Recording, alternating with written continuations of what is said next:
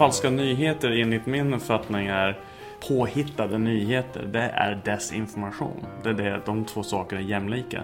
Men vi har börjat att använda fake nu som ett begrepp som man använder för att beskriva nyheter som man inte tycker om. Och det är två väldigt olika saker. Nyheter som är vriden, höger eller vänster. Eh, nyheter där det finns brist när det gäller källkritik eller källorna är bristfälliga. Det är inte per definition falska nyheter, det är inte påhittade nyheter. Falska nyheter är renodlat påhittade nyheter med utgångspunkt att, att ändra åsikter, oftast politiska åsikter, för av propagandaskäl.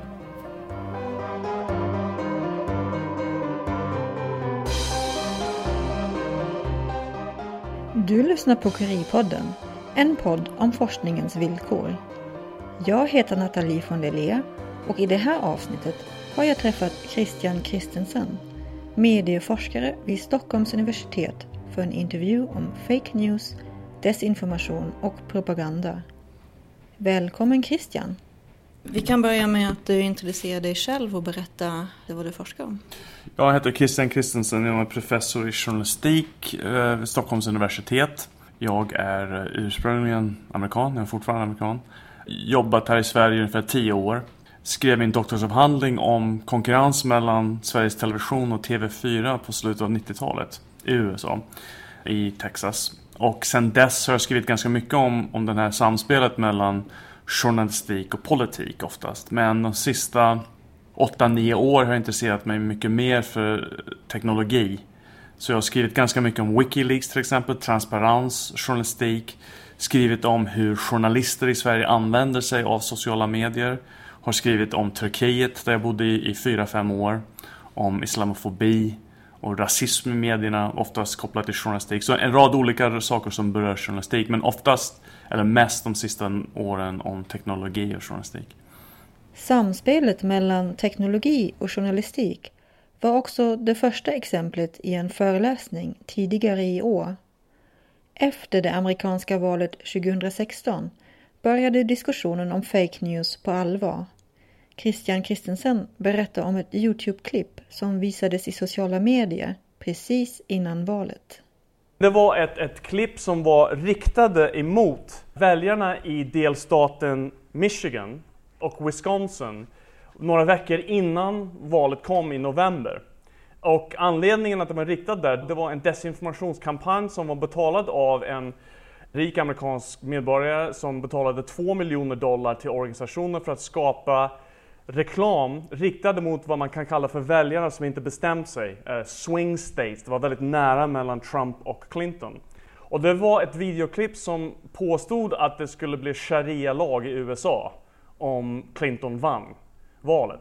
Den visade USA under sharia-lag. Och vi här i Sverige kan titta på detta och skratta och tycker att det är ganska idiotiskt. Men samtidigt spelade den på en islamofobi som fanns, och som finns fortfarande i stora delar av USA och också bland väljarna i delstater där det fanns en ganska stor mängd eh, muslimer som bodde till exempel i Michigan. Den används genom Facebook, så man betalade Facebook för att visa de här klipp. Det skickades ut ungefär 3-4 dagar innan valet och den riktades emot människor som var obestämd. Så frågan var, hur, vet, hur visste ju Facebook om att de här människorna var ju obestämda, vart de bodde någonstans? Jo, det var genom deras användning av Facebook. Så här ser vi en ren och rak demokratisk fråga. Vad händer när du använder en teknologisk plattform som du, utgångspunkten är att jag använder detta för att skicka bilder till mina barn i Malmö. Men egentligen används den data för att rikta reklam mot dig, till dig under en valkampanj utan att du vet att detta är en reklam. Det stod inte reklam, det visades som en del av nyhetsflödet på Facebook. Så där lät det alltså i början av föreläsningen med titeln Fake News, Desinformation och Propaganda. Det är de här tre begreppen, varför är det så viktigt att uh, skilja på dem? Jag tycker det är viktigt för jag tycker inte om fake news. För falska nyheter enligt min uppfattning är det är påhittade nyheter. Det är desinformation. Det är det, de två sakerna är jämlika. Men vi har börjat att använda fake news som ett begrepp som man använder för att beskriva nyheter som man inte tycker om. Och det är två väldigt olika saker.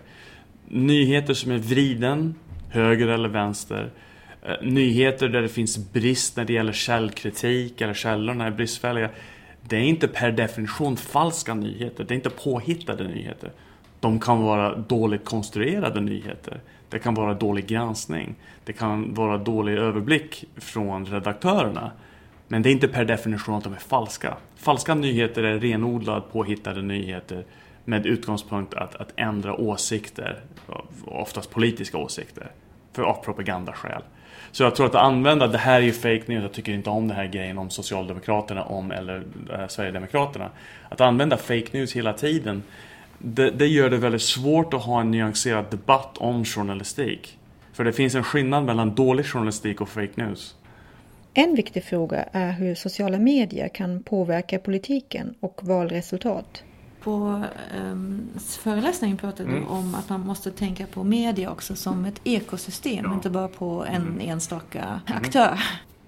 Kan du utveckla lite grann? Jag tyckte det var jätteintressant. Ja, att vi oftast pratar om Facebook och Twitter till exempel. Och säger här, hur, har påverkat, hur har Facebook påverkat valet?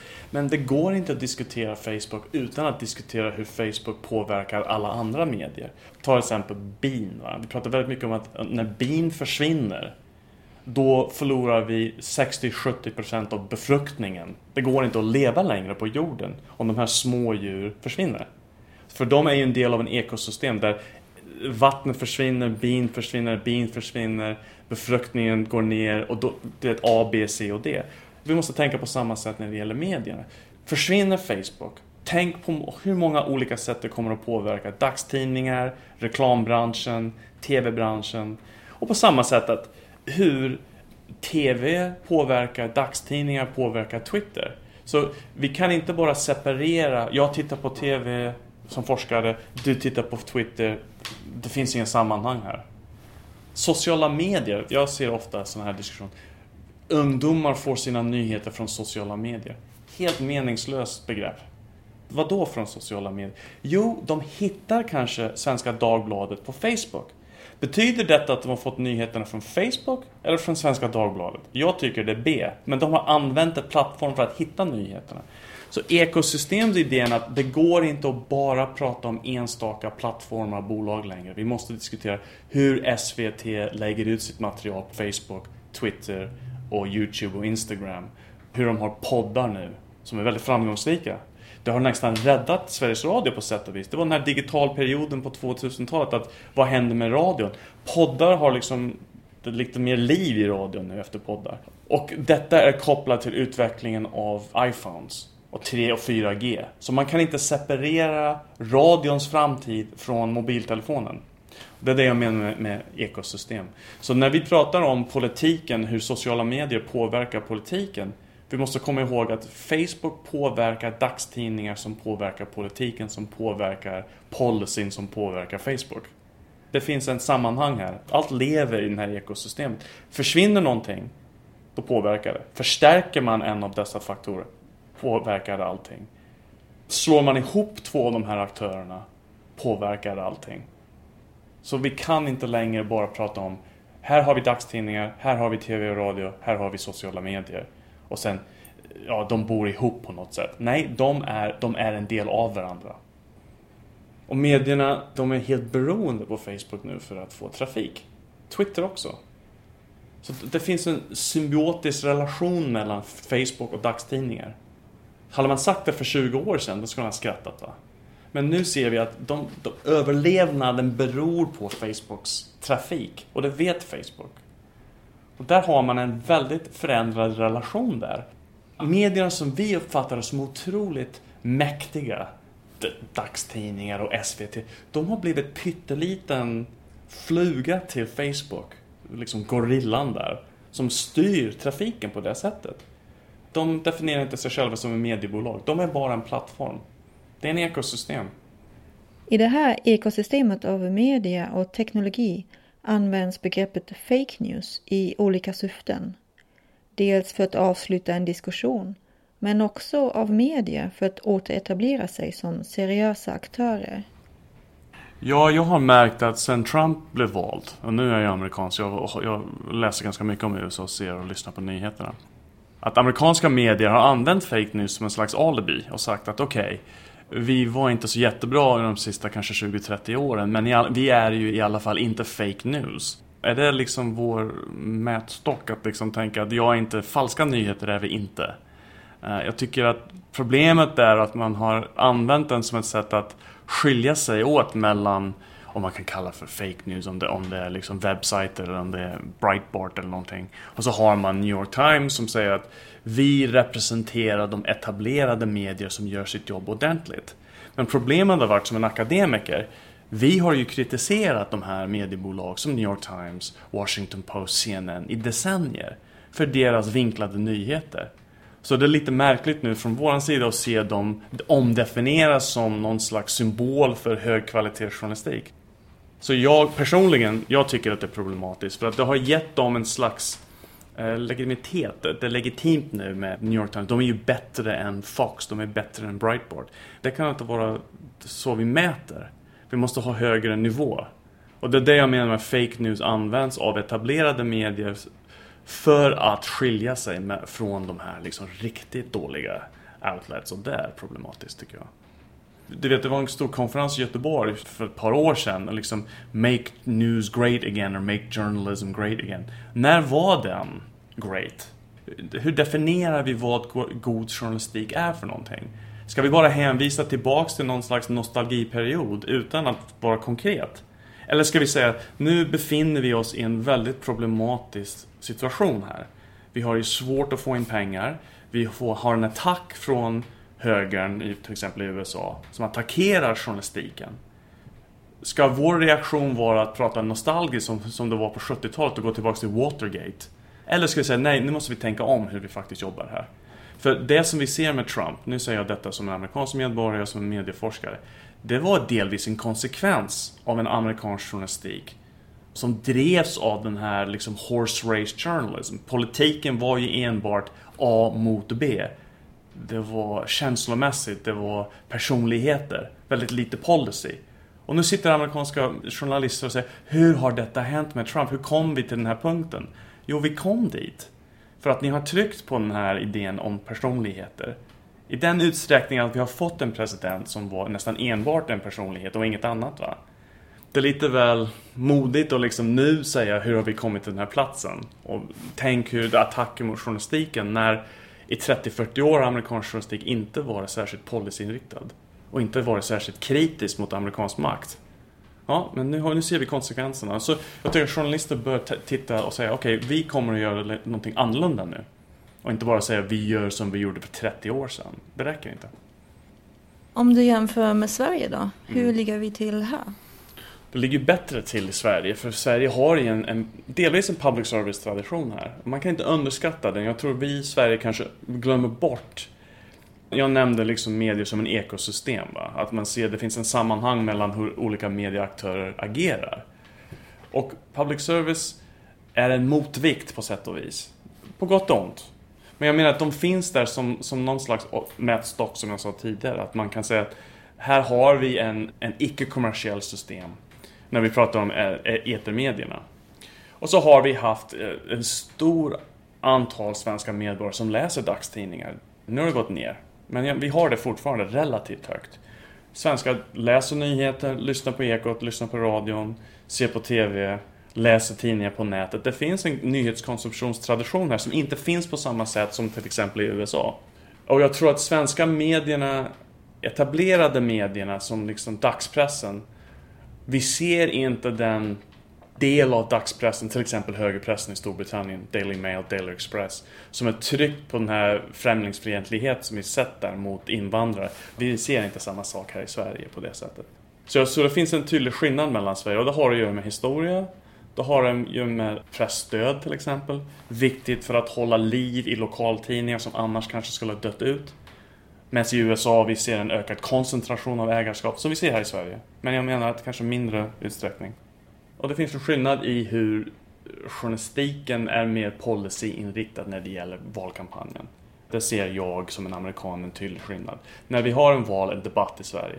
Svenskar säger ja, men vi är mycket mer lik USA nu med personligheter. Men fortfarande ser jag en mycket starkare diskussion kring utbildning, hälsa, försvar, invandring än vi har någonsin haft i USA. Och även i Storbritannien där jag bodde i tio år. Mycket, mycket mer politik i politiska bevakning i Sverige. Nu har vi ju val snart här mm. i Sverige. Hur tror du att sociala medier och hela den här debatten om fake news och så vidare, och hur kan det påverka det svenska valet?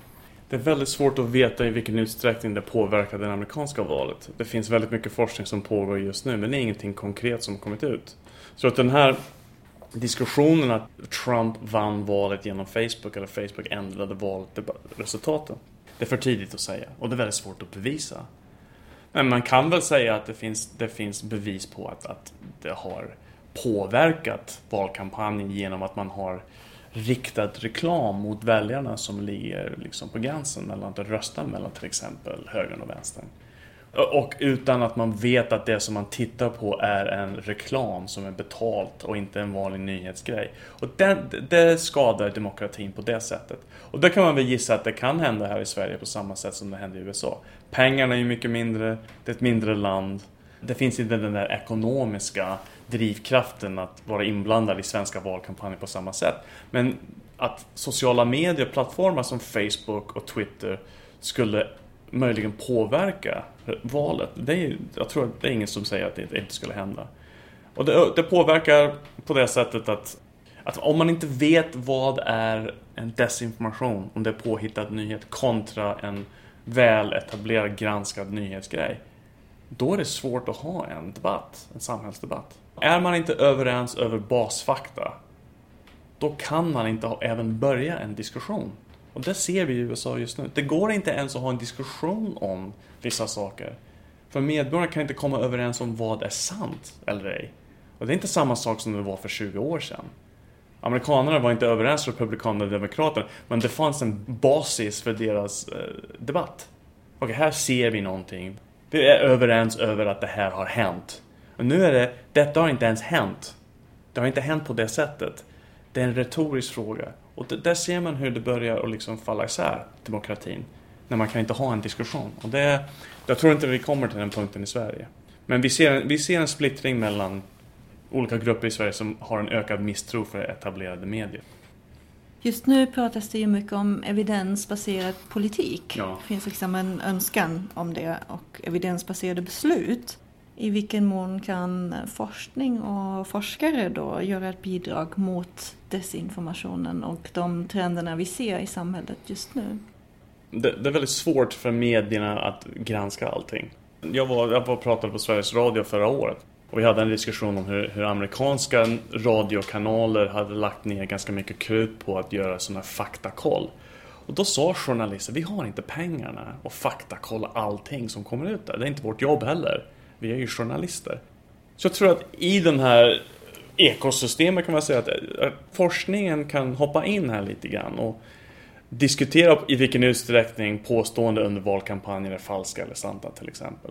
Men då är det viktigt att akademin som en helhet, som en institution ägnar sig mer åt en offentlig diskussion. Och det vet vi har separerat oss ganska mycket. Det är kritiken riktad mot akademin är delvis att vi är inte lika tillgängliga som vi bör vara. Eh, vi skriver i akademiska tidskrifter. Men det akademiska arbetet är ju riktat mot sakta, säkra skrivningar. För att vi skriver på ett visst sätt. Va? Vi kan inte bara publicera inom en vecka. Men det går igenom en granskningsprocess och det är en viktig del av akademiskt arbete. Så det är den balansen mellan akademiskt arbete som kräver den där granskningen och en offentlighet som vi vill veta vad vi ska tycka vi vill veta vad ni tycker. Så den balansen är alltid svårt att liksom navigera, ska man säga på det sättet. Men jag tycker i den här debatten om falska nyheter, jag tycker att där kan vi säga att vi har ju sagt detta. Jag vi som en bransch, som en del av akademin, medie och kommunikationsvetenskap, har tryckt på den här frågan om påverkan av ekonomiska och politiska frågor på innehåll. Så vi har en expertis här.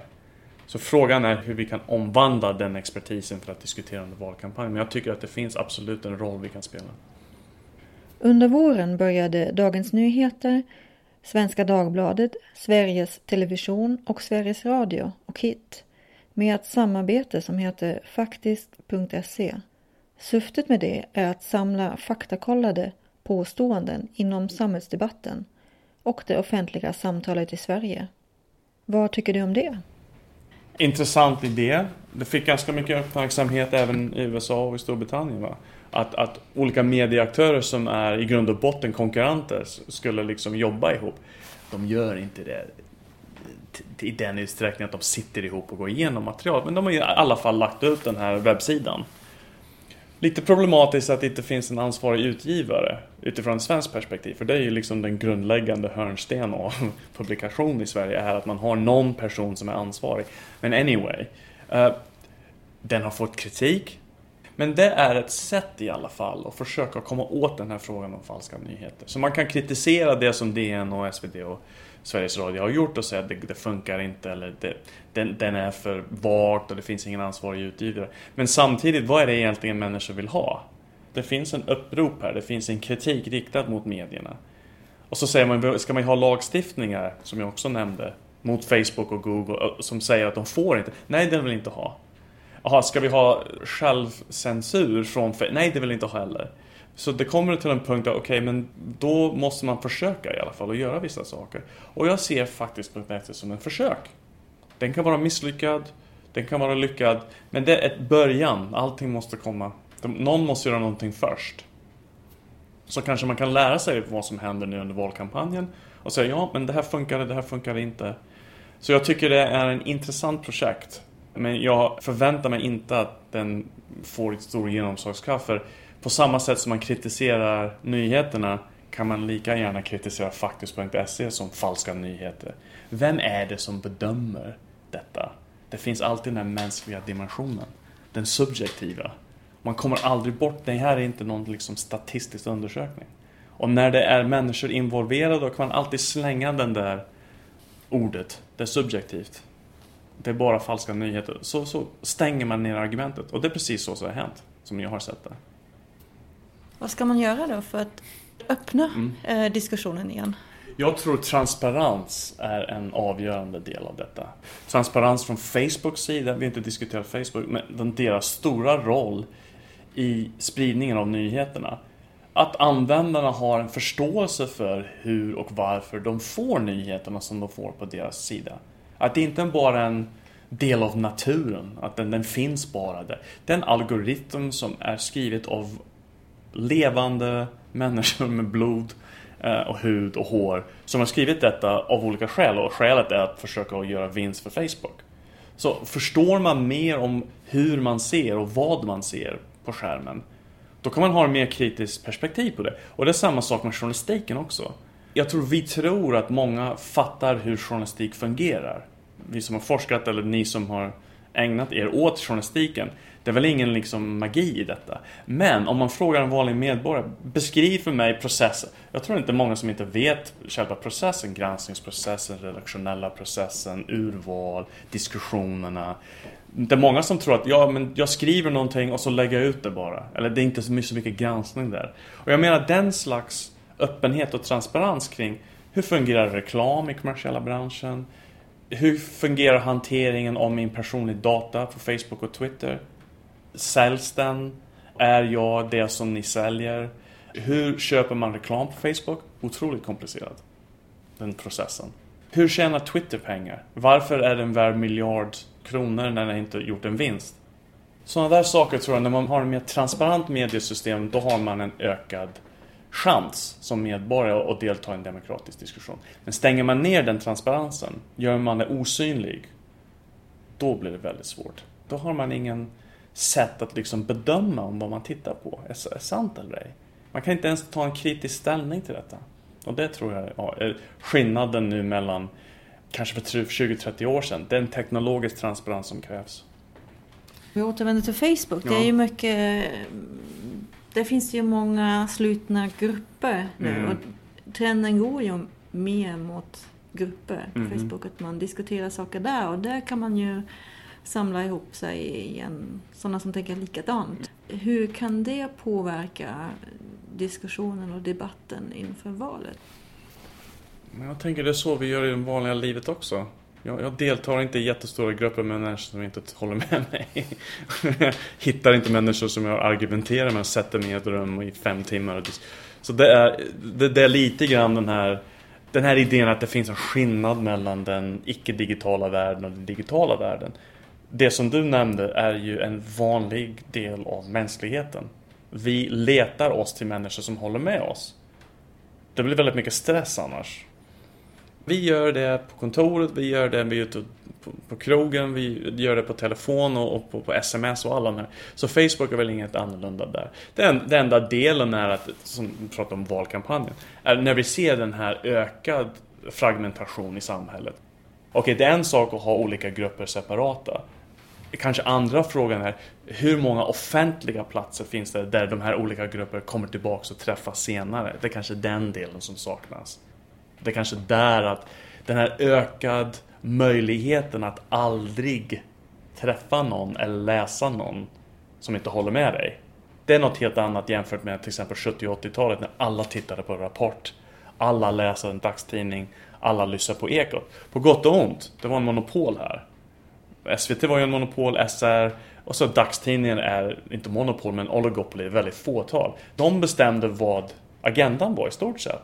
Men jag menar att det fanns en slags offentlighet. Man kunde säga att alla tittade på nyheterna. Vissa tyckte att SVT var usel, vissa tyckte det var jättebra. Men man såg ju samma sak. Men nu finns det all möjlighet att aldrig göra det längre. Man kan läsa nyheterna, man kan läsa om debatt mellan Annie Lööf och, och Jimmy Åkesson och sen utan att på något sätt veta vad andra sidan har sagt. Och där ligger skillnaden. Så det är inte den stängda gruppen som är problemet möjligen.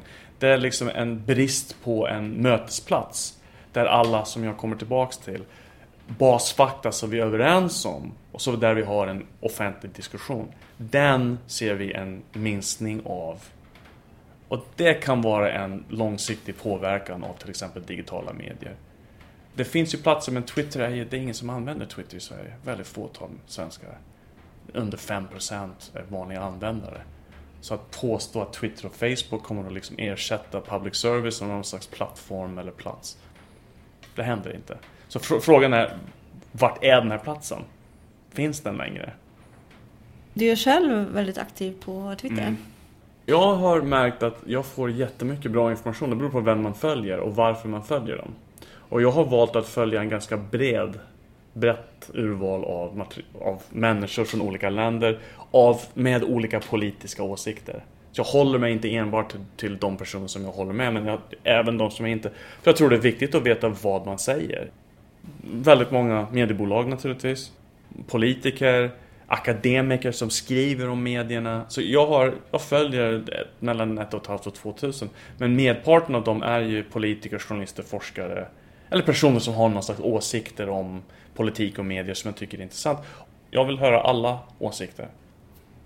Och sen, eh, jag tycker också att det är viktigt att vara offentlig och jag lägger ut det som jag skriver väldigt ofta på Twitter till exempel. Jag är inte en stor Facebook-användare. Många som säger att det är den ytliga diskussioner på Twitter, men jag håller inte med. Man gör dem som ytliga, man behöver inte delta nummer ett. Men jag tycker också att det, att det är viktigt att ha den diskussionen med människor. Även om det är en person någonstans, någonstans i världen som inte håller med. Man kan argumentera med dem, men jag menar att jag tror att det är ett sätt att vara mer offentlig. Och har man några följare och lägger ut material som man skriver, akademin, så återigen, vi har ju en plikt på oss att vara offentliga och diskutera saker offentligt. Och så är jag också en privat medborgare också. Jag har mina egna eh, privata tankar. Men jag, jag, jag tycker att um, det är inte alla som vill eller kan eller bör göra det. Helt okej, okay, det är inte det. På samma sätt som det är inte alla som är offentliga på det. det är inte, de som inte vill skriva debattartiklar och lägga ut sitt material på nätet och diskutera i medierna. Jag tycker det är helt okej. Okay. Det, det, det, kan inte vara ett krav att man gör det. Vi är ju akademiker och det vårt jobb är att undervisa. Och det är bra om man gör det tycker jag. Men samtidigt, det är inte alla som vill. Så det är en smaksak. Den stora frågan är vad vi ska göra åt fake news, desinformation och propaganda. I en rapport från EUs expertgrupp på falska nyheter och online desinformation föreslås ett antal åtgärder. Det behövs en ökad transparens kring hur det digitala nyhetsflödet fungerar och det är viktigt att ha kunskap om hur journalistik och nyheter produceras. Men expertgruppen betonar även vikten av lokala medier, något som också Christian Christensen framhåller. Man måste fortsätta att ha en, en divers europeiskt mediesystem. En kombination av public service, kommersiellt ägda små tidningar, jätteviktigt med lokala nyheter. Det är kanske en, en av de mest underskattade delar av den här debatten om journalistiken efter Trump är ju, vi pratar alltid om stora dagstidningar, Svenska Dagbladet, Expressen, men inte om Nya Värmlandstidningen, här i Uppsala, Norrbottens-Kuriren. En levande lokaljournalistik är på många sätt en motvikt till just det som vi ser här idag. En som är baserad i lokalpolitik, som påverkar oss mycket hårdare och ett sätt som vi förstår mycket bättre. När vi ser hur politiken påverkar det som vi ser där ute på gatan, då har vi en mycket bättre förståelse. När vi pratar om det i allmänna termer, om, om Sverige, om Stockholm, om vi inte bor där, då är det mycket svårare att ha en, en position där. Bra, välskriven lokaljournalistik är oerhört viktigt. Men mycket av den journalistiken som människor tycker om ligger på lokalnivån. Att vi måste se samspelet mellan sociala medier och desinformation som oerhört starkt kopplad till etablerade medier och hur etablerade medier reagerar till och emot den här desinformationskampanjen. Är det bara aggressivt, då ser vi att det bara växer, desinformationen. Är det en mer öppen sätt att hantera detta och säga vi ser en misstro här, vi måste göra någonting åt detta, vi måste skapa en journalistik möjligen som är mer nära på lokalnivån och inte bara distansen. Då kanske leder det till en mer utvecklad demokratisk diskussion.